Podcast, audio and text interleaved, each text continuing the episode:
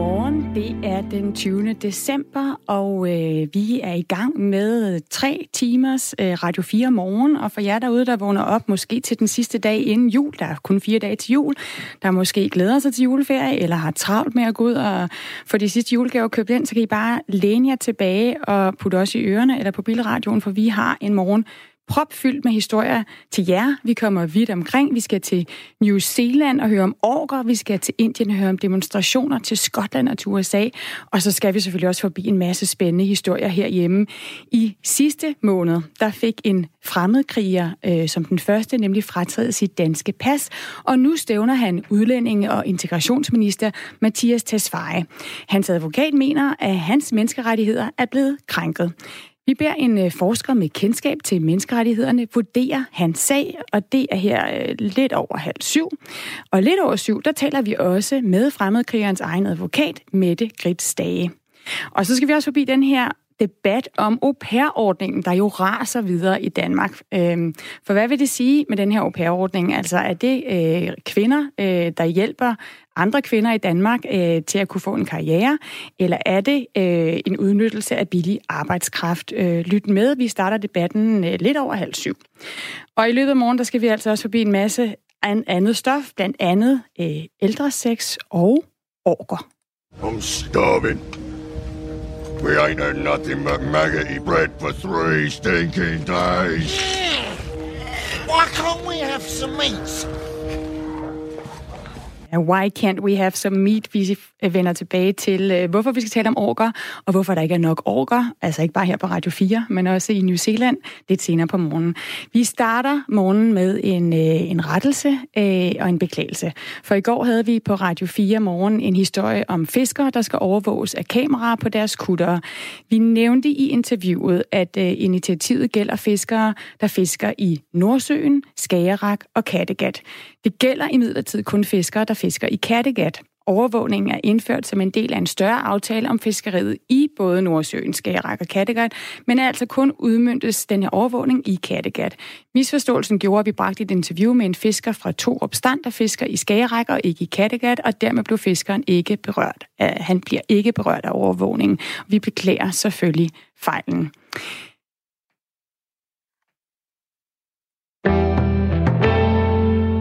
Så kom der også lige en skiller på der.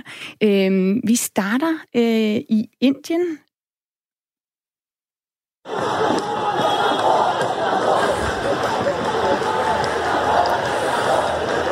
Det her, det her det er lyden af demonstranter på gaden i, i New Delhi.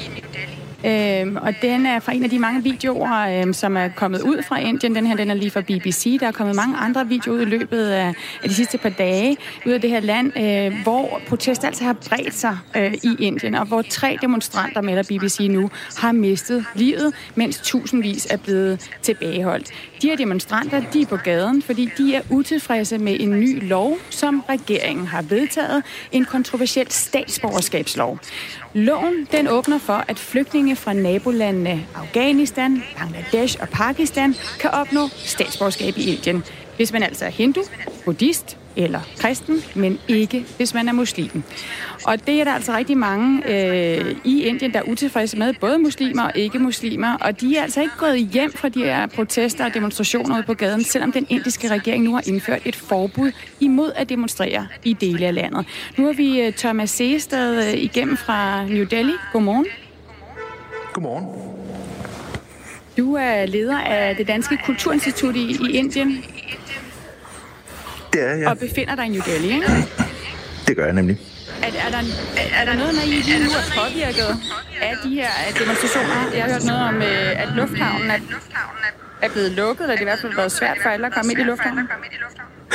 Ja, så der har været en masse øh, trafikproblemer, øh, øh, dels på grund af demonstrationerne, men også fordi man har spærret nogle af vejene ind, spærret nogle af vejene af, der fører ind til Delhi fra de omkringliggende delstater. Og det betyder, at der er en masse, også lufthavnspersonale og piloter og stewardesser, der simpelthen ikke har kommet på arbejde, og, og det har betydet en masse aflyse fly. Hmm. Den, ind, den indiske regering har jo øh, i, i flere dage forsøgt at dæmpe den her uro, der nu har, altså i stedet for at blive dæmpet, har bredt sig til, til flere dele af landet. Øhm, hvorfor er det, at demonstranterne fortsat er på gaden? Ja, altså de, øh, denne her øh, øh, borgerskabslov øh, ser demonstranterne som et brud på de indiske principper, øh, der handler om øh, øh, sekularisme, altså som hvad skal man sige, øh, handler om, at øh, forskellige religiøse grupper skal stilles lige for loven, at man skal have de samme rettigheder og de samme muligheder, uanset om man er muslim eller hindu.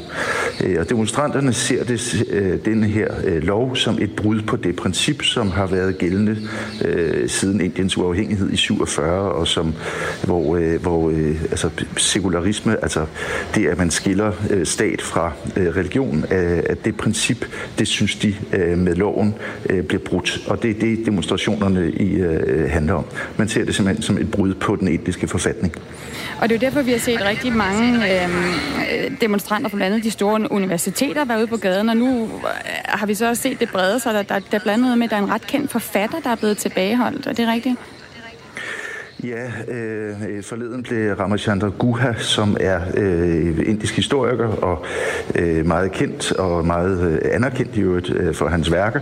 Han blev øh, tilbageholdt i, øh, i Bangalore øh, i, i Sydindien øh, i forbindelse med en demonstration, der øh, til synlædende var fredelig, og, øh, og det har der også været en masse øh, skriverier om, at øh, man kan sige, det der øh, er lidt nyt, altså udviklingen her de seneste par dage har måske gået i retning af, at hvad der startede som et et oprør, øh, eller hvad skal man sige, demonstrationer i hvert fald fra øh, studerendes side på universiteterne, at det ligesom har bredt sig til øh, dels øh, øh altså, øh, folk, øh, forfattere, øh, øh, filmfolk øh, og andre øh, er nu med i demonstrationen. Så det har bredt sig fra at være sådan et studenterfænomen til at blive mere mainstream, kan man sige. Og, og det er også kommet op på regeringsniveau i den forstand, at Indien består af en masse delstater, og øh, i flere af delstaterne har lederne af de delstater været ude og sige, at det her, den her lovgivning, den bliver ikke gennemført i vores del af landet. Øh, så det har bredt sig fra, et, øh, øh fra at være et, et øh, sådan universitetsfænomen til at blive øh, langt mere mainstream og noget, der fylder alle indiske medier. Og du, da vi talte sammen, der fortalte du mig, at for eksempel i delstaten øh, Assam, øh, der har der været voldsomme sammenstød. Øh, Udover de her tre liv, vi lige har hørt om for nylig, så har det den sidste uge krævet mindst fem liv i den delstat, de har sammenstød. Men vi ved faktisk ikke så meget om, hvad der foregår i den delstat, øh, hvor, hvor hvor altså, der også er den her utilfredshed med statsborgerskabsloven. Hvorfor er det, vi ikke ved det, hvad der sker i, i delstaten af sammen? Først skal man måske lige sige, at demonstrationerne i Assam og de øh, nordøstlige delstater, som Assam tilhører, øh, det, handler også om delstaten Tripura, hvor der har været øh, store demonstrationer. Og de demonstrationer handler faktisk om noget, en anden kritik af borgerskabsloven. Det handler om, at med borgerskabsloven, der giver man jo adgang til for eksempel hinduer fra Bangladesh, der er forfulgte til at få statsborgerskab. Og det vil sige, at i nordøststaterne, som jo ligger tæt på Bangladesh, er man bange for øh, en stor øh, indvandring øh, fra øh, Bangladesh, øh, og det er man bekymret for, fordi øh, de her delstater har en særlig etnisk sammensætning. Altså de er anderledes end, om man så må sige, normal Indien. Så, så demonstrationen der er, handler faktisk om noget andet. Og så tilbage til dit spørgsmål, øh, hvorfor vi ikke hører øh, mere fra Assam. Det, det handler jo blandt andet om, at øh, øh, den indiske regering øh, har, øh, når der har været uroligheder, øh, lukker de ned for øh, kommunikationen. Altså de lukker ned for øh, internet og, øh, og, og telefoni generelt. Øh, og det har de gjort øh, øh også i Assam. De gjorde det i går i dele af Delhi. Nu er det, øh, så vidt jeg kan læse, åbnet igen. Men det er altså et middel, man bruger i for at kontrollere øh, øh, hvad skal man sige, demonstrationerne, eller i hvert fald være sikker på, at, øh, at tingene ikke løber løbsk. Og det ser det jo så ud som om, at de har gjort alligevel, kan man sige. Ja, det kan man sige. Altså, øh, men jeg tror, øh, altså det her med at lukke øh, øh internettet ned øh, lyder jo voldsomt, og, det er det jo på mange måder også, men det handler jo også om, at Indien har haft nogle sådan lidt uheldige sager omkring for eksempel beskedtjenesten WhatsApp, hvor der har været sådan lynhurtigt har bredt sig øh, øh, rygter, og, øh, øh, som har ført til sådan ret uheldige handlinger, hvor, eller øh, episoder, hvor, øh, hvor folk øh, faktisk er blevet øh, myrdet på grund af sådan øh, øh tilfældige rygter og fake news. Så der er sådan en historie øh, i Indien omkring det her med øhm, en, en meget stor opmærksomhed omkring øh, sociale medier og deres øh, betydning. Okay, så der kan også være andre grunde til, at man, man lukker in, internettet ned i Indien. Øh, premierminister øh, øh, Narendra Modi, han blev genvalgt med et overvældende flertal i maj i år, og han nyder stadig stor popularitet i, i stor del af Indien. Øh, er Modi blevet politisk udfordret af de her demonstrationer? Man kan sige, det er øh, i hvert fald første gang, sådan som jeg tror, at det er, dels tror jeg, at, at øh, urolighederne er kommet lidt bag på dem, øh, på regeringen, øh, og omfanget af dem, og bredden af øh, protesten. Øhm, og man kan sige, hvor øh, Modi blev valgt, øh, med, som du siger, med et meget stort øh, flertal, og, og nyder meget stor popularitet. Øhm, øh, nu er det som om, at der er et samlingspunkt for den opposition, som har været noget fragmenteret og noget øh, sådan tilfældig, og som har ikke rigtig har haft held til at drive øh, en kile ind i, øh, i sådan den hindu-nationale bevægelse, øh, som, som Modi er en del af. Øh, og nu ser det ud som om, at, øh, at øh, protesterne omkring øh, borgerskabsloven kan være øh, det samlingspunkt, som oppositionen har, samlet, øh, har savnet. Øh, og, og, og det bliver rigtig spændende at følge, om, om, om det er rigtigt, eller øh, at det sådan stille og roligt øh, øh, går i sig selv igen. Men det ser ud som om, at det er den pt. voldsomste udfordring, som øh, den indiske øh, hindu-nationale øh, regering har stået overfor. Tak fordi, at du kunne være med her, Thomas Ested, og forklare os om, hvad der er, der sker i Indien lige nu. Øhm, du er altså leder af det Danske Kulturinstitut i Indien, øhm, hvor der altså som så mange andre steder i verden er demonstrationer lige nu, og som Thomas Ested altså forklarede, så er det den her kontroversielle statsborgerskabslov, det handler om. Øhm, og hvad hedder det, og, og som han sagde, så er der jo altså flere grunde til, at man øh, simpelthen demonstrerer mod den her lov. Du har dels de studerende, øh, de veluddannede forfatterne, kultureliten på gaden, fordi man er utilfredse med, at man synes, den ligesom øh, er antimuslimsk, og den overtræder en mm. forfatning, der er sekulær. Og så har man samtidig også nogle af de her delstater, øh, hvor man simpelthen er bange for, at der kommer en, en øh, indstrømning af, hin, af hinduer, for eksempel, som, som så kan ændre befolkningssammensætningen. Øh. Så det er jo, der er jo mange demonstrationer rundt om verden. Vi prøver at holde tungen lige i munden og det, finde det, ud af, hvad der, de, der hvad de handler om. Er baggrund hver eneste gang, ja. og det, det der er så, øh, så et eller andet sted så imponerende lige i øjeblikket, det er, at, at der nu vel, der er ligesom samme bevægelse, men man ser, at, de, at, øh, at argumentationen for, hvorfor man går på gaden, den er så forskellig fra nation til nation. Men, og noget af det, jeg synes, det var så interessant med, med nogle af de øh, videoer, der kom ud af Indien, det er, at man kunne høre nogle af de unge demonstranter sige, de var de øh, henviste til, vi, i på Hongkong går de på gaden, øh, i, i Chile går de på gaden, vi er heller ikke bange for at gå på gaden. Så der er også en inspiration på tværs af landegrænser her. Klokken er Klokken er blevet uh, godt og vel 18 minutter over 6. Du lytter til Ret 4 morgen. Og I'm starving. We ain't had nothing but maggoty bread for three stinking days. Why can't we have some meat? What about them? They're fresh. They are not for eating.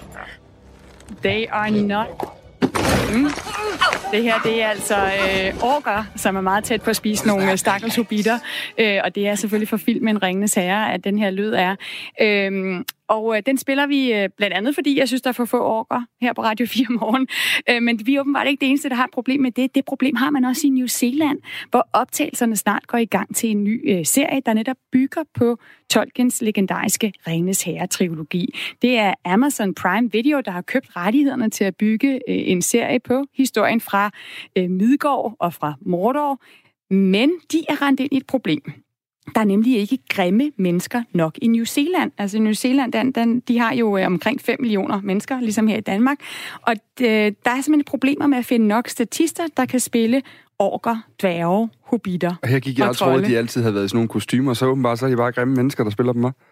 Øh, det er i hvert fald det, man gerne vil have i øh, Amazon Prime Video, vil gerne finde nogle flere grimme mennesker, for så kan de spare penge, for det koster rigtig mange øh, penge at lave den her serie, og det koster rigtig mange penge at skulle putte makeup og special effects på, på folk, så derfor så har de simpelthen været ude og putte opslag på øh, Facebook øh, gennem skuespils- og modelbyråer, for simpelthen at efterlyse, om, de kunne, om der ikke var nogle øh, mennesker. For eksempel har de skrevet her, øh, at hvis man nu har, har masser af, af kropsbehåring, øh, man har rynker, man har været en, en tur ude i det gode vejr, øh, er dit ansigt en smule årgagtigt, står der, så kan man altså henvende sig.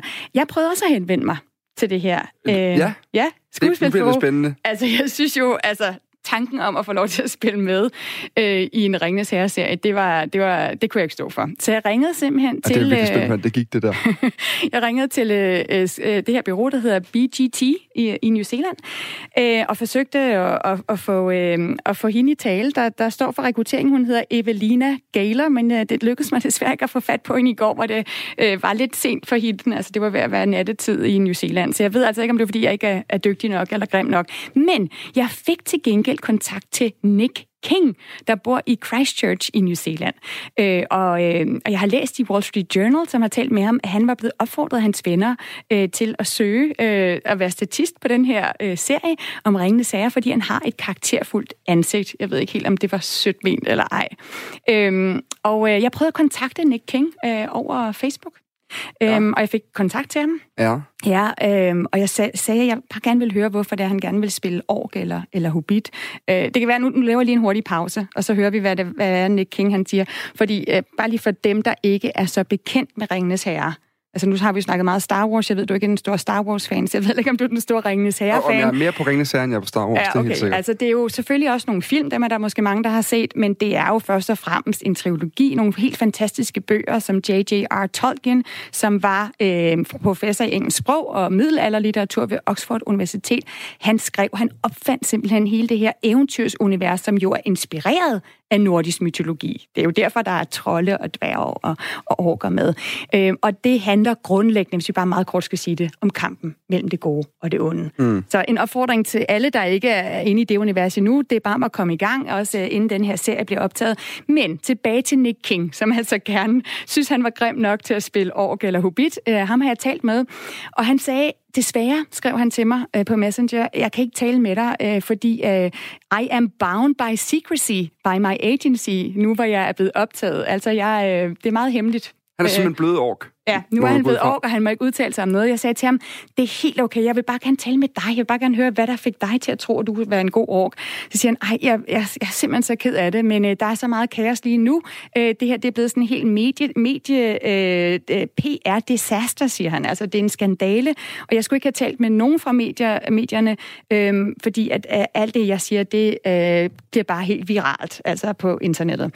Så jeg prøvede at sige til ham, vi er bare en, en, en radio i Danmark. Jeg tror godt, Stadig med mig. Nej, jeg kunne ikke overtale ham. Men jeg kan bare lige sige til slut, at hvis du nu har en kroget næse, du har meget ansigtsbehåring, du mangler tænder, eller synes selv, du har lidt meget læderhud i ansigtet, og du drømmer om at spille ork i Ringenes Herre, i en serie om Ringenes Herre, så kan du altså selv skynde dig at ringe til det her skuespilsbureau BGT i New Zealand. Jeg har et telefonnummer her. Man ringer øh, landekoden, det er øh, 64, og så ringer man 9827 9995. Det er et kort telefonnummer, de er jo kun 5 millioner mennesker. Og det er altså Evalina Galer, du skal have fat i, hvis du gerne vil spille ork. Og så er det sjove, at du har lige skrevet ind i den her, der er lige et par helt specifikke krav, man så også skal leve op til, for der er åbenbart ikke nogen normal højde orker. Enten så er man under halvanden meter eller over 1,95, og derudover så må man gerne øh, øh, ringe ind, uanset hvilken slags minoritet eller øh, nationalitet man Jamen har. det der med 1,95, altså der tænker jeg, at det faktisk måske også kan have lidt at gøre med, at det kunne jo være, at de også mangler nogen til at spille elver. Hvad, hvad hvis der bare Elverne er er jo meget høje. en, jamen, hvad hvis du Og er så, en helt så, almindelig er der dejlig på altså, så er der 1,75? pludselig mange, der kunne søge os her fra Danmark. Vi har jo høje, smukke mennesker. Så ja, Der er masser at komme efter det i hvert fald. Nummeret er blevet læst op. Gå ind på podcast og find det, hvis du ikke nåede at høre det. Og så hopper vi videre i den her morgen, fordi øh, den næste historie, vi skal til, den handler altså om, øh, om en demonstration, der var i går, hvor 40 veganske aktivister lagde sig i øh, linker og spærrede hovedvejen for en svintransport på vej ud af Danish Crown slagteri i Ringsted. det er første gang, at så drastiske midler er blevet taget i brug af veganske aktivister i Danmark. Vi har en af dem siddende lige her. Godmorgen. Godmorgen. Også Øhm, derude. ja, det, øh, du hedder Lars, og skal se, om jeg kan udtale dit efternavn. Corvinius, er det rigtigt? Det er rigtigt. Det er så godt, og du er fra Veganerpartiet. Øhm, du var ikke med til at arrangere den her aktion, men du var med. Du deltog i den. Ja. Ja. Jeg var ude at overvære det. Ja, og ifølge øh, dig og andre aktivister, der handlede det her om at markere, at I er imod de forældede produktionsvilkår, som dyrene på slagteriet lider under. Øhm, ja, det er sådan set ikke de, øh, de forældede øh, vilkår, de er under i sig selv. Det er mere det, at de bliver produceret. Vi er i, øh, i 2019, øhm, og det er et signal fra... Det, er, det var en masse flok demonstranter, og langt de fleste af dem, de var øh, nok veganere. Øh, der var en par stykker, der ikke var. Øh, men det var simpelthen et, øh, for at sende et signal om, at det er 2019 nu, og vi har alt muligt, vi kan spise. Vi kan gå ned i Netto, vi kan gå ned i Føtex øh, og handle ind til julemaden, uden det behøver at, at involvere en animalsk produktion. Vi hører hver eneste dag, at øh, animalsk produktion er med til øh, at skabe en hel masse øh, ekstra klima, øh, klimaproblemer, fordi det er ret ressourcekrævende. Men der er altså også et etisk problem i det. Øh, det er levende dyr, vi har med at gøre, og vi glemmer det lidt, at øh, det er dyr. Vi ser... Øh, vi hører tit, øh, at det skal være mere effektivt, at det skal kunne tjene flere penge til landbruget. Øh, så vi, tj- vi tænker ikke på dem som dyr, men mere som produktionsenheder. Øh, så det var i hvert fald det, som demonstrationen handler meget om i går. Det var den første af sin slags i Danmark, øh, der rigtig var på det her niveau. Så hvorfor var denne her aktion nødvendig for at vise det, du siger der? Altså hvorfor er det nødvendigt at, at lænke sig sammen og prøve at forhindre adgang til et slagteri? Jamen, hvis der er ikke nogen, der er utilfredse med det i samfundet, øh, og viser, at der, der er brug for radikal forandring, øh, så er der aldrig nogen af de andre øh, frihedsbevægelser eller andre sociale bevægelser ude i, i verden, som vil have, have hverken lykkes eller øh, vil have nået så langt. Det er en naturlig del, øh, i hvert fald af det, jeg har set af alle andre bevægelser. Altså, folk på det her slagteri, de vil jo bare gerne passe deres arbejde. Hvorfor må de ikke det for sådan nogen som dig? Øh, det er ikke sådan nogen som mig, de må gerne passe deres arbejde. Øh, de, altså, der var en masse lastbilchauffører til stede, øh, der blev blokeret, som ikke kunne komme ind med deres svin, og der var en masse medarbejdere, som ikke kunne komme i gang med, med morgens produktion, så at sige. Og øh, det ved jeg i hvert fald, øh, kan jeg sige for alle de andre demonstranter, at det var ikke en personlig hets mod dem. Øh, mm. Dem havde vi ikke noget imod, og der var en, en god dialog med, med både lastbilchauffører og medarbejdere også. Øh, fordi det er sådan set systemet, vi går imod. Det er hele den her institutionalisering af, af, af drab og samlebånd, øh, hvor man ikke ser dem som individer. Hvis vi skal holde snakken sådan lige på metoden, så kan man sige, hvis Danish Crown, de må efterhånden også være lidt, øh, lidt trætte af, at der er folk der blokerer øh, adgang til deres øh, slagterier. Hvis de nu er rigtig trætte af Veganerpartiet, så stiller de sig foran jeres dør, så I kan komme ind på jeres kontor.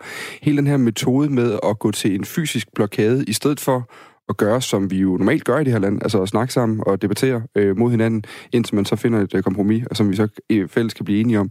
Hvorfor, hvorfor er den metode nødvendig?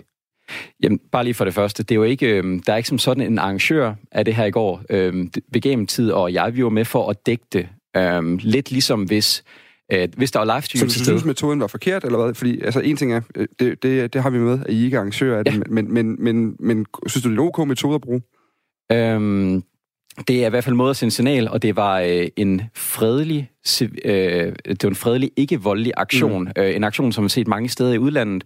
Øhm, så der er ikke nogen, der kommer til skade. Øh, Danish Crown, de udtaler også selv, at deres produktion, den led ikke under det, øh, i og med, de her grise, de enten skulle overnatte der, eller starte lidt senere. Øh, men det var en måde at sende et signal, men også skabe den debat, vi har lige nu. Øh, så på den måde kan man jo sige, at det er effektivt. Øh, det var så ikke lovlydigt, derfor optrådte vi ikke direkte i den, men det var rigtig spændende at følge.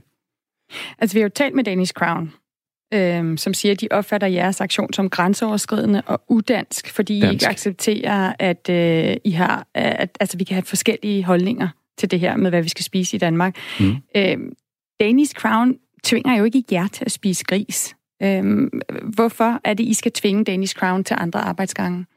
Vi, øh, altså, for partiets side af vil vi ikke forbyde nogen folk i at spise kød. Øh, vi kunne rigtig godt tænke os at ændre den måde, vi bruger vores ressourcer i dag. Øh, men Danish Crown, det synes jeg, det er meget sjovt. De begynder at udtale, hvad der er dansk og ikke dansk, fordi de er meget... Øh, de er meget travlt med at fortælle, hvad det egentlig er, der er dansk, hvad det er, der gør os dansk, fordi vi producerer svin, og fordi vi spiser svin ved bordet. Det er ikke noget om, hvem vi er sammen ved middagsbordet, der definerer, hvem vi er. Det er, hvad vi spiser. Det er det, der gør os dansk, fordi det er dansk gris. Øh, Så lige bestemt den her danske diskurs, den, den synes jeg, de er, de er meget med til at, at betone. Lars Corvini, øh, øh, Corvinius, tror du, det her er den bedste måde at overtale danskere til at, at, at, at forstå dit synspunkt med, hvorfor det er, at vi skal ændre de her produktionsmetoder. Øhm, altså man kan jo godt, hvis man kigger på det udefra, så kan det måske se en lille smule barnligt ud. Øh, jeg har selv tre børn, og jeg kan udmærket godt huske den her periode, hvor at hvis man ikke ville noget, så lagde man så skrinen ned på gulvet, øh, og ville ikke gå nogen steder. Altså er det ikke lidt det, det minder om her? Er det ikke lidt barnlig tilgang at gå til debatten? Øhm, ja, det er ikke en, øh, en tilgang, der i sig selv kommer til at løse problemet. Det er med til at skabe den her debat, som så også er blevet opnået, øh, men det skal helt klart også tages Og du sidder her, her til morgen. Jamen det er det, og det skal tages fra politisk fond også, men det skal også tages øh, på pragmatisk øh, vis. Altså øh, tage en snak om, at øh, når du sætter dig til julebord, så kan du altså... Øh, lave alt muligt andet end det, du plejer at få. Det er der rigtig mange, øh, der begynder at gøre. Der har været meget debat omkring det også, men at øh, der simpelthen skal være et tilbud for det, og der også skal være en efterspørgsel. Så det, er, det handler om at tage debatten, men samtidig også gøre det pragmatisk og øh, realistisk for folk, enten at gøre noget godt for klimaet, eller gøre noget godt for dyrene. Det sagde Lars Corvinius uh, Olsen, altså, som er presseansvarlig i Veganerpartiet, og så må vi jo se, om det her kan få nogen til at genoverveje, om de skal have flæskesteg eller and til øh, julemiddagen ja, det om fire dage. Måske er det nok allerede købt. Fordi tak fordi du kom ind i studiet. Ja, tak fordi I lader mig. Godmorgen. Godmorgen. Her klokken halv syv er der nu nyheder med Henrik Møring. Her er nyhederne på Radio 4. Transportminister Benny Engelbrecht har udtrykt mistillid til ledelsen i PostNord. Det er sket på et lukket møde efter et anonymt brev fra en insider i PostNord, skriver børsen. Whistlebloweren beskriver, hvordan selskabet bruger statsstøtte til at konkurrere med private virksomheder på logistikmarkedet gennem datterselskabet PostNord Logistics. Ministeren bekræfter historien i et skriftligt svar til avisen. Disse forhold har svækket min tillid til PostNords håndtering af netop den del af virksomheden. Jeg ser frem til at få afdækket, hvad der er op og ned i sagen, skriver han. Ministeren sagde allerede i går, at han vil sætte gang i en ekstern undersøgelse af PostNord Danmark. Den beslutning kom efter, at flere politikere, ifølge Jyllandsposten, havde modtaget et anonymt brev med specifikke anklagepunkter om svindel. Efterfølgende afviste PostNord samtlige anklager i det anonyme brev. Sagen udfolder sig samtidig med, at Folketingets finansudvalg i går besluttede at lade transportministeren bruge over 100 millioner kroner på at forlænge den nuværende postaftale med PostNord frem til sommer. Vindkraft går frem, og kul går tilbage. Allerede inden årets udgang sætter den vedvarende energi flere rekorder i Danmarks elproduktion. Hele 72 procent udgjorde de CO2-frie energikilder i produktionen af strøm, det vil sige vindmøller, solceller og biomasse. Ser man på vores forbrug af el, er sol- og vindkraftens andel 49 procent i år. Det er en stigning fra 45 procent for to år siden. Solcellerne står for blot 3 procent. Samtidig er det klimaskadelige kul på to år faldet med en tredjedel til godt 13 procent af elproduktionen. Det er godt, men ikke godt nok, siger administrerende direktør i Dansk Energi, Lars Ågaard. De tal, vi ser for grøn elproduktion i Danmark i 2019, det er jo resultatet af 30 års energipolitik. Øh, nu har vi så 10 år til at komme i princippet lige så langt, som vi er nået på 30 år, når det handler om at reducere CO2, så det er slet ikke nok. Og der, hvor det slet ikke er nok, det er jo vores evne til at tage fossile brændsler ud i ja, vores biler, i opvarmning af vores huse, og så skal vi jo erstatte det med grøn strøm. Så vi er slet ikke i mål, men trenden er da rigtig. 70 er blevet evakueret fra en lejlighed på Frederiksberg i København efter en brand. En kraftig brand spredte sig i nat fra nogle biler og fik fat i den udvendige del af en lejlighed på Laurit Sørensensvej på Frederiksberg. Brandvæsenet evakuerede 70 personer fra lejligheden. Branden er slukket, oplyser vagthavende ved Københavns politi Henrik Svejstrup. Der gik brand i en bil under en carport, og den spredte sig til 3-4 biler og fik fat i noget trækonstruktion på lejligheden, siger han. Der er ikke meldinger om nogen alvorlige til skadekommende. Fem personer er dog kørt på hospitalet til tjek for røgforgiftning. Politiet ved endnu ikke, om bilbranden var påsat. En polsk kvinde nægter at indgå forlig med Hollywood-mogulen Harvey Weinstein i en sag om seksuel overgreb, og hun indleder en ny retssag. 33-årige Kaja Sokola anklager Weinstein for at have seksuelt misbrugt hende, da hun var 16 år. Hun kalder for livet på 25 millioner dollars, som Weinstein indgik med en stor gruppe kvindelige skuespillere og tidligere medarbejdere for nylig for uretfærdig. I 23 sider langt anklageskrift skriver hun, at Weinstein i 2002 inviterede hende på middag og lå hende tro, at han ville hjælpe hende. I stedet for at tage på restaurant, tog de ifølge hende hjem til hans resident, hvor han misbrugte hende seksuelt. Mest tørt, og i den sydlige og østlige del af landet lidt sol, ellers mest skyde og stedvis diset 6-10 grader og let til frisk syd. Østlig vind er det.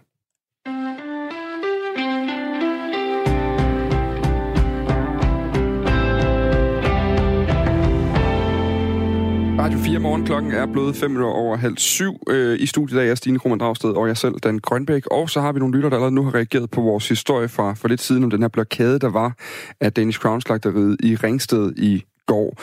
Lad folk spise kød, har vi mennesker altid gjort, og for altid. Det er ud fra, at man mener, man vil gøre det for altid. Det er Lars, der skriver det ind til os.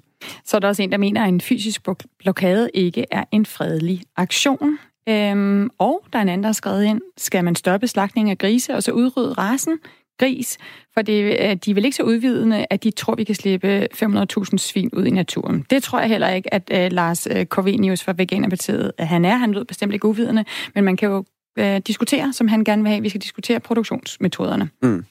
Det er øh, øh, som sagt et meget godt eksempel på, at vores sms'er er åben. Vi vil meget gerne høre, hvad I tænker om de historier, vi laver. 1424 er nummeret, og du starter sms'en med R4. Så skal vi til øh, en historie, der øh, ligesom også kom ud i går, fordi øh, udlænding- og integrationsminister Mathias Tesfaye, han valgte i slutningen af øh, november for første gang at benytte en ny og omdiskuteret lov til at fratage en 25-årig mand med dansk og tyrkisk pas hans danske statsborgerskab rent administrativt. Altså uden rettergang. Manden har været indskrevet som IS-kriger, han er efterlyst af dansk politi for terrorisme, og han har igennem længere tid været på fri fod i Tyrkiet. Og nu kan ministeren se frem til en stævning. Det oplyser fremmedkrigerens advokat Mette Grits Stage, som mener, at afgørelsen er i strid med menneskerettighederne. Øhm, og det skal vi nu høre dig om, øh, Peter. Øh, jeg tror faktisk lige, jeg kan lige se, at den er forsvundet fra Peter. Han havde ringet til os for Peter Kessing, der er seniorforsker på Institut for Menneskerettigheder, igennem for at høre mm. hans vurdering, fordi det er jo en ret øh, svær debat, det her. Ikke bare om det med øh, fremmedkrigere, men også når vi kommer ind i, i, i juraen. Altså, øh, er det lovligt, det man gør, når man fratager øh, danske statsborgere øh, mm. deres statsborgerskab? Og nu kan vi sige godmorgen, Peter Vedel Kessing. Ja, godmorgen. Du er som sagt seniorforsker ja. på Institut for Menneskerettigheder. Ja. Og nu står vi jo lige og ridset en masse op. Det handler som sagt om den her 25-årige mand med dansk og tyrkisk pas, øh, som har fået, øh, som, som øh, man gerne vil have, man gerne fratage ham hans danske statsborgerskab rent administrativt. Øh, er det din vurdering, at den her fratagelse af fremmedkrigerens øh, statsborgerskab er et brud på, på hans menneskerettigheder? Altså, det er, jo meget, det er jo meget svært at sige. Øh, det er jo også derfor, det er godt, at der nu kommer en øh, dansk retssag, og man kan prøve spørgsmålet ved domstolen. Øh, man kan sige, at der har været nogle sager, der mere lidt om ved, ved den europæiske menneskerettighedsdomstol. Og der var en sag mod øh, Storbritannien for et par år siden, øh, der vedrørte spørgsmålet om artikel 8, retten til familieliv. Og der har de i Storbritannien et system, der minder meget om det danske her, hvor man administrativt kan fratage statsborgerskabet. Der var en britisk statsborger, der var, øh, var mistænkt for at have været involveret i noget terroraktiviteter øh, i Somalia. Og han fik inddraget passet øh, af de britiske myndigheder, og kom så sagen ind så helt ned ved den europæiske menneskerettighedsdomstol, hvor han sagde, at det var stridens ret til familieliv. Og der sagde jeg altså nej, øh, det var det ikke i den sag der. Øh, han sagde også, at han ikke har haft mulighed for at få effektiv adgang til at føre hans øh, forsvar, fordi over telefonen med advokat osv. Det var svært fra Somalia, men det fik han altså ikke med. Og lige der sagde man fra, fra, fra den europæiske menneskerettighedsdomstols side, det var ikke i stedet med artikel 8, det er hans ret til familieliv. Så er det andet spørgsmål, det er det her med, med tilbagevirkende kraft.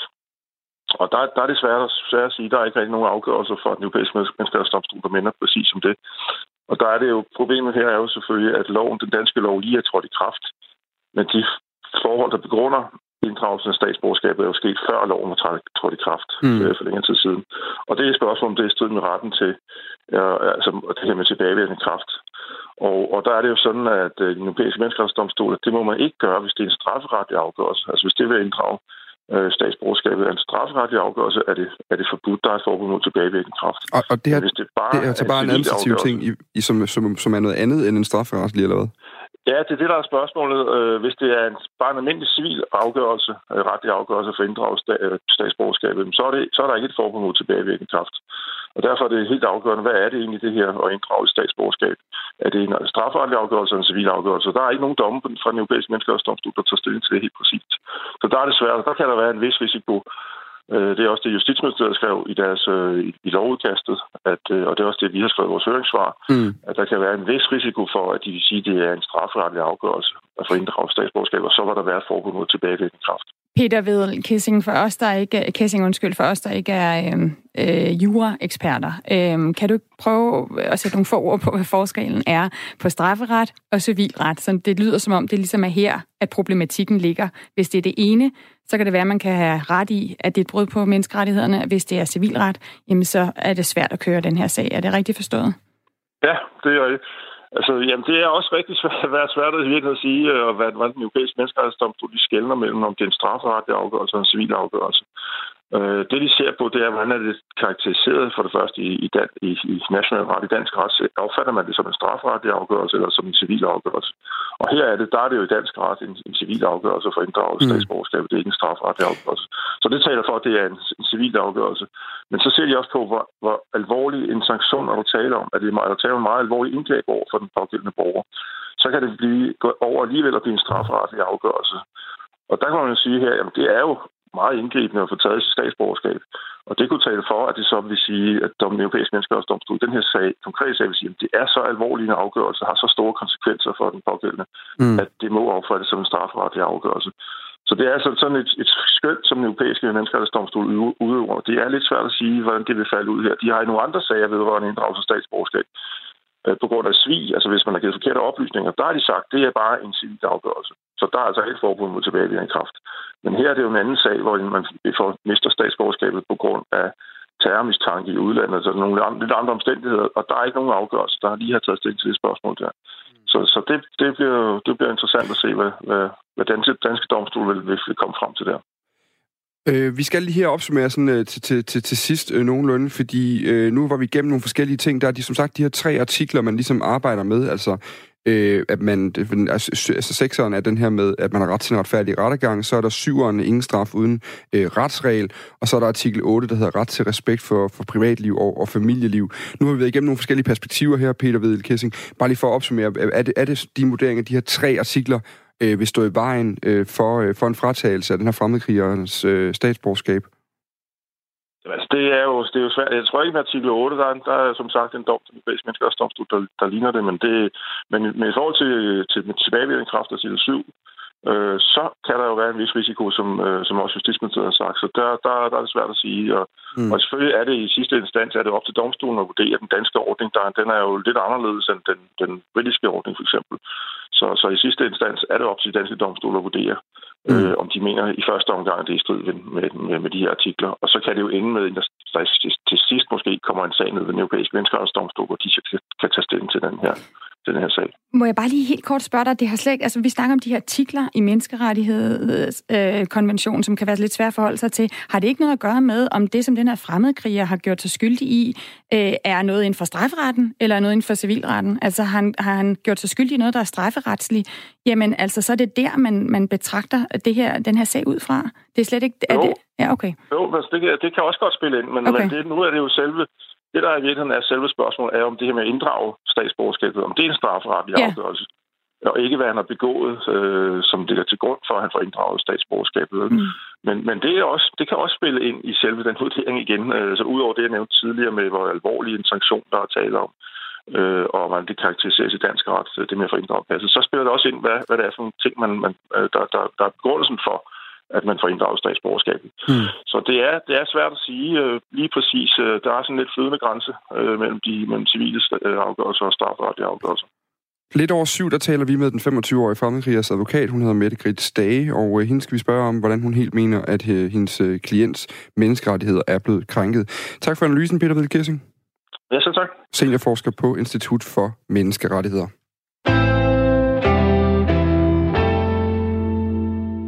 Au pair-pige eller ikke au pair-pige, det er gået de færreste næser forbi de sidste par dage, at øh, debatten om, øh, hvorvidt den her au pair-ordning skal bestå i sin nuværende form i Danmark, den, øh, den øh, går ret højt i øjeblikket. Og nu har vi fået dig ind i studiet, Karina øh, Wulf. Er sådan, man udtaler det? Du er indhaver af virksomheden Au Pair, agent, der hjælper med at få kvinder til landet via den her au pair-ordning. Regeringen har jo altså varslet med et opgør med den måde, man bruger ordningen i, i dag, og kalder det social dumping. Og det kommer på baggrund af en ny rapport, der blandt andet viser, at øh, økonomien er den primære motivation for de au pairs, der, der arbejder under ordningen i Danmark, og at langt de største, øh, største del af dem, der kommer jo er filippinske kvinder. Øh, hvad er det, din virksomhed gør, øh, Karina Wolf? Jamen, jeg hjælper med at øh, matche familier og au pairs, øh, primært i Danmark. Og øh, så øh, hjælper jeg også i, i andre lande og, og, og placerer også au pairs i, øh, altså danske au pairs ude, i, ude rundt omkring i verden. Men primært matcher jeg øh, øh, familier og au pairs her i Danmark. Og dem, du matcher, det er fortrinsvis filippinske au pairs, der kommer hertil? Jeg matcher fra mange forskellige lande, men primært filippiner, ja. Hvor mange øh, øh kvinder øh, eller, og piger ude fra, fra omverdenen matcher du sådan cirka om året? Altså, sidste år var det omkring 30 her i Danmark. De her au pairs, øh, Karina Wolf, de tjener jo, eller tjener, det er jo lidt forkert ord, for det er jo lommepenge, ja, ikke? Øh, de får øh, 4.350 kroner om måneden, ja. og så har de så også kost og logi, Nemlig. og så er der nogle udgifter til dansk undervisning oveni. Øh, er det ikke underbetalt udenlandsk arbejdskraft? Det synes jeg ikke, det er. Fordi der er jo stadigvæk tale om en kulturel udveksling. Det vil sige, øh, hvis vi skal ind og tale om det økonomiske aspekt, så er du også nødt til at tage med, øh, hvad koster logi faktisk skal koste for at, at op, hvad skal man sige, øh, sammenligne det med en, øh, en, en, en mindsteløn i Danmark. De piger, du siger, du er også med til at sende piger, måske også nogle drenge ud ja. fra Danmark, ikke? Mm. Øh, har du fornemmelsen af, at de tager ud, fordi de har brug for penge? Nej, det har jeg ikke. De tager selvfølgelig ud for oplevelsen, og det er der faktisk også mange af de au pair-piger, som jeg placerer fra Filippinerne, som gør. De kommer også op for at få en, en, en kulturel oplevelse.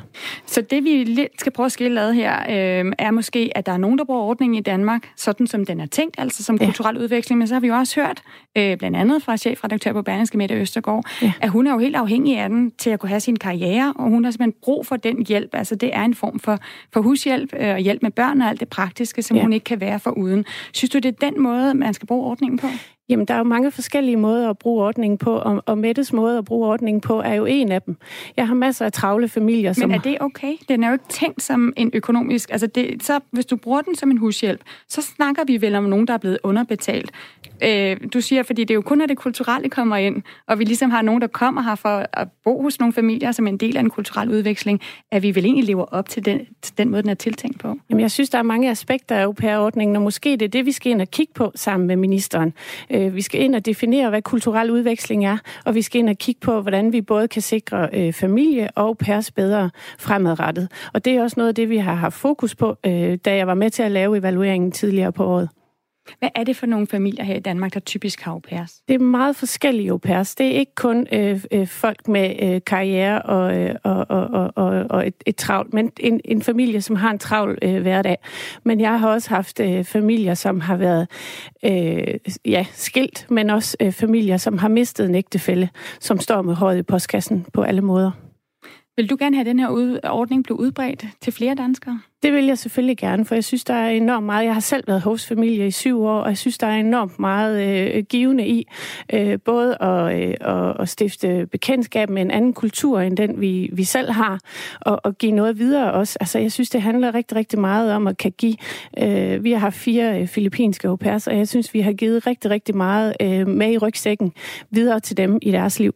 Men hvis du synes, den her skal udbredes, synes du så ikke også, det er vigtigt, at vi sikrer, at den netop ikke bliver misbrugt? Altså, at dem, der faktisk har brug for at have hushjælp. Mm. At hvis de bruger den her au pair-ordning til det, jamen, øh, så har vi jo altså, normalt har vi overenskomst, vi har nogle bestemte mm. arbejdsmarkedsvilkår, som man ligesom skal overholde her i Danmark. Ja. Øh, er det ikke forkert at bruge den ordning øh, med det formål? Jamen, jeg synes faktisk, at det er forkert at bruge ordet hushjælp, fordi det er ikke kun et spørgsmål om hushjælp. Jeg har også mange familier, som gerne vil have øh, øh, au pairs, fordi at det giver øh, deres børn øh, både et bedre engelsk. Jeg har selv to børn, som taler flydende engelsk, og jeg har også øh, to børn, som har fået en ret stor forståelse for, hvordan øh, det kulturelle på eksempelvis Filippinerne øh, fungerer. Og, øh, og, og mine børn har lært rigtig, rigtig meget. Vi har stået og pakket øh, øh, tøj og, og en masse ting øh, til eksempelvis, hvis der har været en øh, katastrofe på Filippinerne. Så jeg synes, mine børn også har lært rigtig, rigtig meget øh, af at, øh, at have en, en filippinsk au pair. Men, men så, det er, jo, og det er jo lige præcis den her balance, vi kommer til at tale om i hele mm. den her diskussion, hvor nogen jo vil sige, jamen hvis man som i det tilfælde med det Østergaard beskrev i ja. Berlingske, har faste pligter, mm. øh, både morgen og aften, ja Og derudover, det er ugen lang, og hun er helt åben omkring, at det er simpelthen, men at det led, der får hverdagen til at hænge sammen. Mm. Så er det vel svært at argumentere for, at det primære formål, det er kulturudveksling. Jamen, det er har... heller ikke altid det primære formål, men det er en del af det. Mm. Og det er det, jeg synes, vi skal ind og kigge på. Vi skal ind og definere, hvad er kulturel udveksling, ja. og hvordan får vi øh, udnyttet ordningen på bedste måde, både for au men også for familierne. Og når du nu taler med familierne, mm. og skal have sat de her øh, forhold op, kan man sige, ja. Hvordan, hvordan beskriver du så for dem? Lad os nu sige, at jeg sad og sagde til dig, prøv at høre, vi vil egentlig gerne have en au pair, mm. øh, men, men, øh, men hvor meget må jeg bruge dem til i det huslige? Ja. Hvad vil du så sige til mig? Altså, jeg har faktisk... Øh, for det første, så laver min familie et øh, ansøgningsskema, som ligger på min hjemmeside, som de udfylder. Og der prøver jeg først og fremmest at definere, hvad det er for nogle ønsker og behov, mm. en familie har til en, en kandidat. Og derefter så går jeg ind og kigger på nogle af de kandidater, som jeg har, som jeg synes matcher bedst. Hvor meget skal der til, før du ringer tilbage til det her, den her ansøger og siger, ved du hvad, jeg tror altså, du skal ansætte en hushjælp, og ikke en, øh, ikke, du skal ikke have en au pair? Jamen, det, det, det, det synes jeg egentlig handler om rigtig meget om dialog, og det er også derfor, jeg lægger ikke skjul på, at jeg er ikke et stort bureau, fordi for mig handler det om at have en øh, personlig kontakt både til min familie og au pairs, og jeg slipper heller ikke min hverken familie eller au pairs, når det er, de ankommer. Jeg følger dem i hele perioden i de to år, de er her, og de ved, at de altid kan kontakte mig. Mm. Øh, så, så, så jeg synes, det handler rigtig meget om, om dialog, og vi får strikket, øh, et, et, hvad skal man sige, en, en god ordning sammen, fordi så er det også en succes for mig at placere au pairs i Danmark. Men kan du stadig ikke se, at det er en lille smule pudsigt, når vi i Danmark, du siger, at den kulturelle udveksling ja. skal være en del af det, men det er okay, at det økonomiske aspekt også spiller ind, og man kan bruge pers på forskellige måder. Når du sender danske piger ud til mm. udlandet, når jeg har boet i forskellige andre lande, hvor mm. man har jo pers, så handler det jo slet ikke om det her med at for eksempel at få penge og sende hjem, som vi ved mange af de filippinske kvinder gør. Ja. Jeg siger ikke, at de ikke er glade for at være her, at de heller vil være her i Saudi-Arabien, mm. men vi har bare stadig nogle regler i Danmark om, hvordan man, man nogle arbejdsvilkår. Så når du sender danske piger og drenge ud i verden, så gør de det jo ikke for at tjene de her penge eller spare op. De gør det kun på grund af den kulturelle udveksling. Det er det, der ligger i hele den idé, man har lavet i Europa om au pairs. Er det ikke underligt, at man her i Danmark så er ind med den her filippinske import af kvinder, som i høj grad er der for at hjælpe til at få, og vi kunne lige så godt sige det, ret rige familier til at få mm. hverdagen til at hænge sammen. Jo, men grund til, at det er de ret rige familier, som, som, øh, som benytter sig af ordningen, det kan vi jo sådan set takke alle de røde partier for. For det er jo dem, der bliver ved med at pålægge øh, øh, familierne en masse højere udgifter, så du, øh, hvad skal man sige, systematisk får sorteret de nederste øh, fra. Altså dem, der har den laveste indkomst i, i, i forhold til så du vil øh, gerne, at, at det skulle være billigere at have au i virkeligheden? Ikke nødvendigvis, men jeg synes i hvert fald, at vi skal ind og kigge på eksempelvis øh, det høje gebyr på dansk undervisning, som er blevet vedtaget først i syvende. Jeg har foreslået, at den bliver lavet til en månedsbetaling i stedet for, fordi at der kommer en masse parametre ind, så du ligesom får, øh, hvad skal man sige, mindsket øh, udgiften for familierne øh, til start. Mm. Lige til allersidst her nu, Karine Wolf. Jeg kunne godt tænke mig lige at vende tilbage til det en gang til, for jeg ja. synes faktisk ikke helt, jeg fik et, et rigtigt svar på det. Men, men hvor går grænsen for dig mellem en, altså noget, hvor det er kulturudveksling, som skal skal være det primære formål, det mm. siger ordningen, og så en hushjælp. Og vi kan bare tage eksemplet, hvis jeg ringede ind og sagde, hvor mange timer om ugen må, øh, må hun have faste opgaver mm. i mit hjem. Hvad vil du så sige til mig? Altså, jeg går altid ind og kigger på, i ansøgningen, der skal man jo faktisk udfylde et, et, et arbejdsskema. Ja. Og der går jeg jo selvfølgelig altid ind og kigger på, øh, om, om, om familierne lever op til, til, til de her øh, arbejdsskemaer. Og hvad, hvad, men hvad er grænsen? Hvor er det der, hvor du vil sige, hun har faste opgaver øh, morgen, aften, hver dag? Det er ikke, altså, er det for meget, for eksempel? Det synes jeg ikke, det er. Hvis du overholder den regel, der hedder, at du, skal, du, skal arbejde, at du må arbejde mellem 3 og 5 timer om dagen og skal have halvanden dags øh, fri om ugen, mm. så, så, og så går vi selvfølgelig ind. Man skal også definere i arbejdsskemaet, hvor mange, altså hvad det er for nogle opgaver, som, mm. som hun skal påtage sig. Og igen, så, så, så vil jeg lægge vægt på, at jeg, jeg øh, følger op på både familie og au pairs i løbet af forløbet, og, og følger op på, at de selvfølgelig øh, begge parter overholder reglerne. Karina Wolf, ejer af DK. Tusind tak, fordi du ville komme med i studiet. Det var så lidt. Efter klokken syv, der taler vi med øh, beskæftigelsesordfører Radikale Venstre, øh, Venstre øh, Samira Nava, som øh, også ønsker at bevare ordningen. Øh, og hende vil vi også gerne spørge om, øh, hvorfor. Fordi at det er jo altså en interessant det her debat, det her med, hvad er balancen imellem øh, behovet for en au pair. Øh, som vi bare lige kan sige her til slut, det er en au pair, hvis man kan en lille smule fransk, betyder jo at være på lige fod. Og det er jo det, der har været hele ideen med den her ordning fra starten af, altså at man fik en pige eller en dreng, en ung kvinde eller en mand i sit hjem, som på lige fod med alle andre indgik i familiens almindelige huslige pligter, og som man havde med den her kulturudveksling. Det er så altså udgangspunktet. Klokken er 6 minutter i 7. Og øh, nu skal jeg lige se her, hvor vi er henne. Vi er der. Vi skal tale om modermærkekræft. Det skal vi nemlig, fordi flere og flere får modermærkekræft. Det viser nye tal fra Cancerregistret. Alene det seneste år, der er antallet af nye tilfælde steget med 14,5 procent for kvinder og med 8 procent for mænd. Godmorgen til dig, Peter Balum. Godmorgen. Du er projektchef i Kraftens Bekæmpelse. Hvorfor får flere og flere modermærkekræft?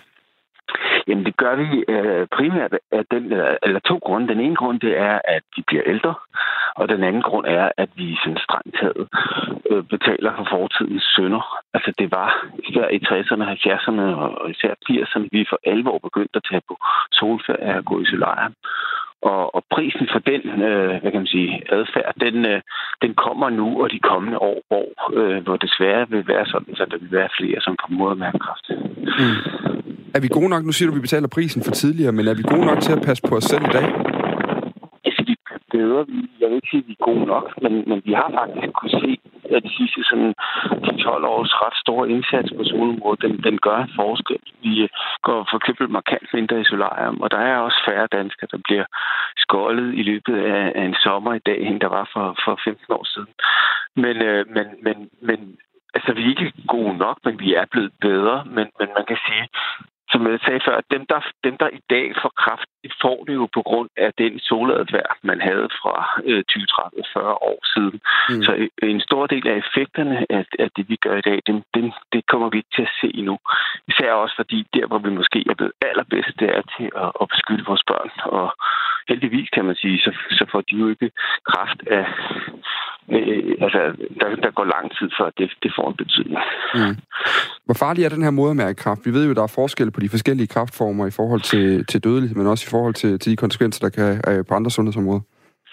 Ja, altså, der er så cirka 10 procent af dem, der får modermærkekræft, som, som ender med at dø af det. Heldigvis er der så kommet nogle nye og mere effektive behandlinger øh, på banen her de senere år, men så man kan håbe, det falder lidt. Men, øh, men det er sådan cirka 10 procent. Det svarer noget til, til det samme som, øh, som på brystkræftområdet. Er det et fald i forhold til tidligere? Altså, øh, ikke et kæmpe fald, men vi kan faktisk godt håbe lidt på, at de nye effektive behandlinger vil øge overlevelsen på, på modmærkræftområdet. Godt. Nu taler vi jo det, er jo, det er jo, jeg synes, det er sindssygt spændende nogle gange at tale om de her øh, sygdomsformer, hvor man ligesom har en eller anden form for øh, øh, latenstid på det, man gør. Altså her hedder den 20-30 yeah. år, så ser vi, hvad der sker. Det skal du lige sker. oversætte. Jamen, det er jo det her med, at hvis vi gør et nu, så står det lige her summer i en 20-30 år, og så kan vi se reaktionen om 20-30 år. Det er jo det, du siger her nu, Peter Bælum, at der er jo noget med, at vi, vi er blevet bedre til at øh, beskytte vores børn især mod solen. Og øh, øh, hvad hedder den? Solhat, skygge og solcreme øh, kan vi alle sammen ja. næsten huske, der kørte i fjernsynet i, øh, jeg ved ikke, øh, hvor lang tid. Men, men hvad skal der til, for at vi ligesom kan være sikre på, at vi har knækket kurven, eller at den bliver knækket på et tidspunkt? Ja, altså der er jo den del af det her, som handler om, at vi alle sammen bliver ældre. Og det er sådan så, at sandsynligheden for at få kræft, den stiger simpelthen med jo ældre vi bliver. Og det, det kan vi jo ikke rigtig øh, gøre super meget ved, øh, fordi vi er jo omvendt også interesserede i, at vi bliver ældre. Det skyldes jo faktisk vores sundhed øh, og vores leveomkost, eller leveomstændigheder er blevet bedre. Så, så, så den del, der handler om at få kræft, som, som, som, som er en tilfældighed, og som egentlig bare handler om flere gange cellerne deler sig efter større sandsynlighed er der for kræft. Det kan vi ikke gøre super meget ved. Der kan vi blive bedre til at lave tidlig opsporing. Øhm, og så det, det vil sige fange øh, den kraft, der er så tidligt, at man øh, kan, kan, hvad kan man sige, kurere det forholdsvis smertefrit. Øh, så der, der kan vi gøre en indsats. Den anden indsats, det er jo at blive bedre til vores adfærd i solen. Mm. Og der vil en ret stor øh, forskel formentlig komme, hvis nu vi fik øh, lavet en 18-års aldersgrænse på vores Øh, fordi vi ved, at især modermærkekræft i de helt unge alder, de skyldes øh, ofte solariebrug. Så hvis, hvis vi kan stoppe det her med, at øh, 13, 14, 15 år, de går i solarier, øh, så, vil, så vil det også gøre et forskel. Og det, der vil faktisk ikke gå 20-30 år, før vi vil se den effekt. Der vil gå en 5-10 år, før det vil begynde at slå ud i statistikkerne. Der skal vi nok ud og rykke på nogle helt andre ting, sådan noget med, hvordan man gerne vil se ud, og skønhedsidealer yeah. og så videre. Må jeg lige spørge dig om noget, øh, Peter Ballum, øh, som altså er projektchef i Kraftens Bekæmpelse. Øh, hvad skal man helt personligt gøre for at være opmærksom på det her med modermærker? Altså, hvad er det, man skal holde øje med, hvis man skal opdage modermærkekræft i god tid? At den helt korte forklaring, det er, at man skal holde øje med modermærker, der forandrer sig. Øhm, og især, eller ja, det er sådan det vigtigste. Øh, der altså modermærker, der skifter størrelse, som ændrer farve, øh, hvis det får en ujævn kant, øh, hvis det begynder at bløde eller klø eller sådan nogle ting. Øh, det er det, det, det, man skal holde øje med. Altså, forandringer i modermærker, nye modermærker, der lige pludselig kommer i en forholdsvis sin alder, dem, og som, som, ja, som ændrer sig, de ændrer sig selvfølgelig i størrelse, siden de kommer. Øhm, hold øje med dem og gå til lægen, hvis man er, er i tvivl der. Det var ordene fra Peter Balum, projektchef i Kraftens Bekæmpelse, og så øh, kan vi se, om vi får knækket kurven. Det tager vi lige en måling på om en 20-30 år. Skal vi ikke gøre det? Jo, tak. Det er godt. Ha' en god dag, Peter Bellum. Nu. I lige måde. Tak for det. Hej. Og imens vi talte med Peter Bellum, så er klokken gået hen og blevet syv, og nu er der nyheder med øh, Henrik Myrum. Mø, nej,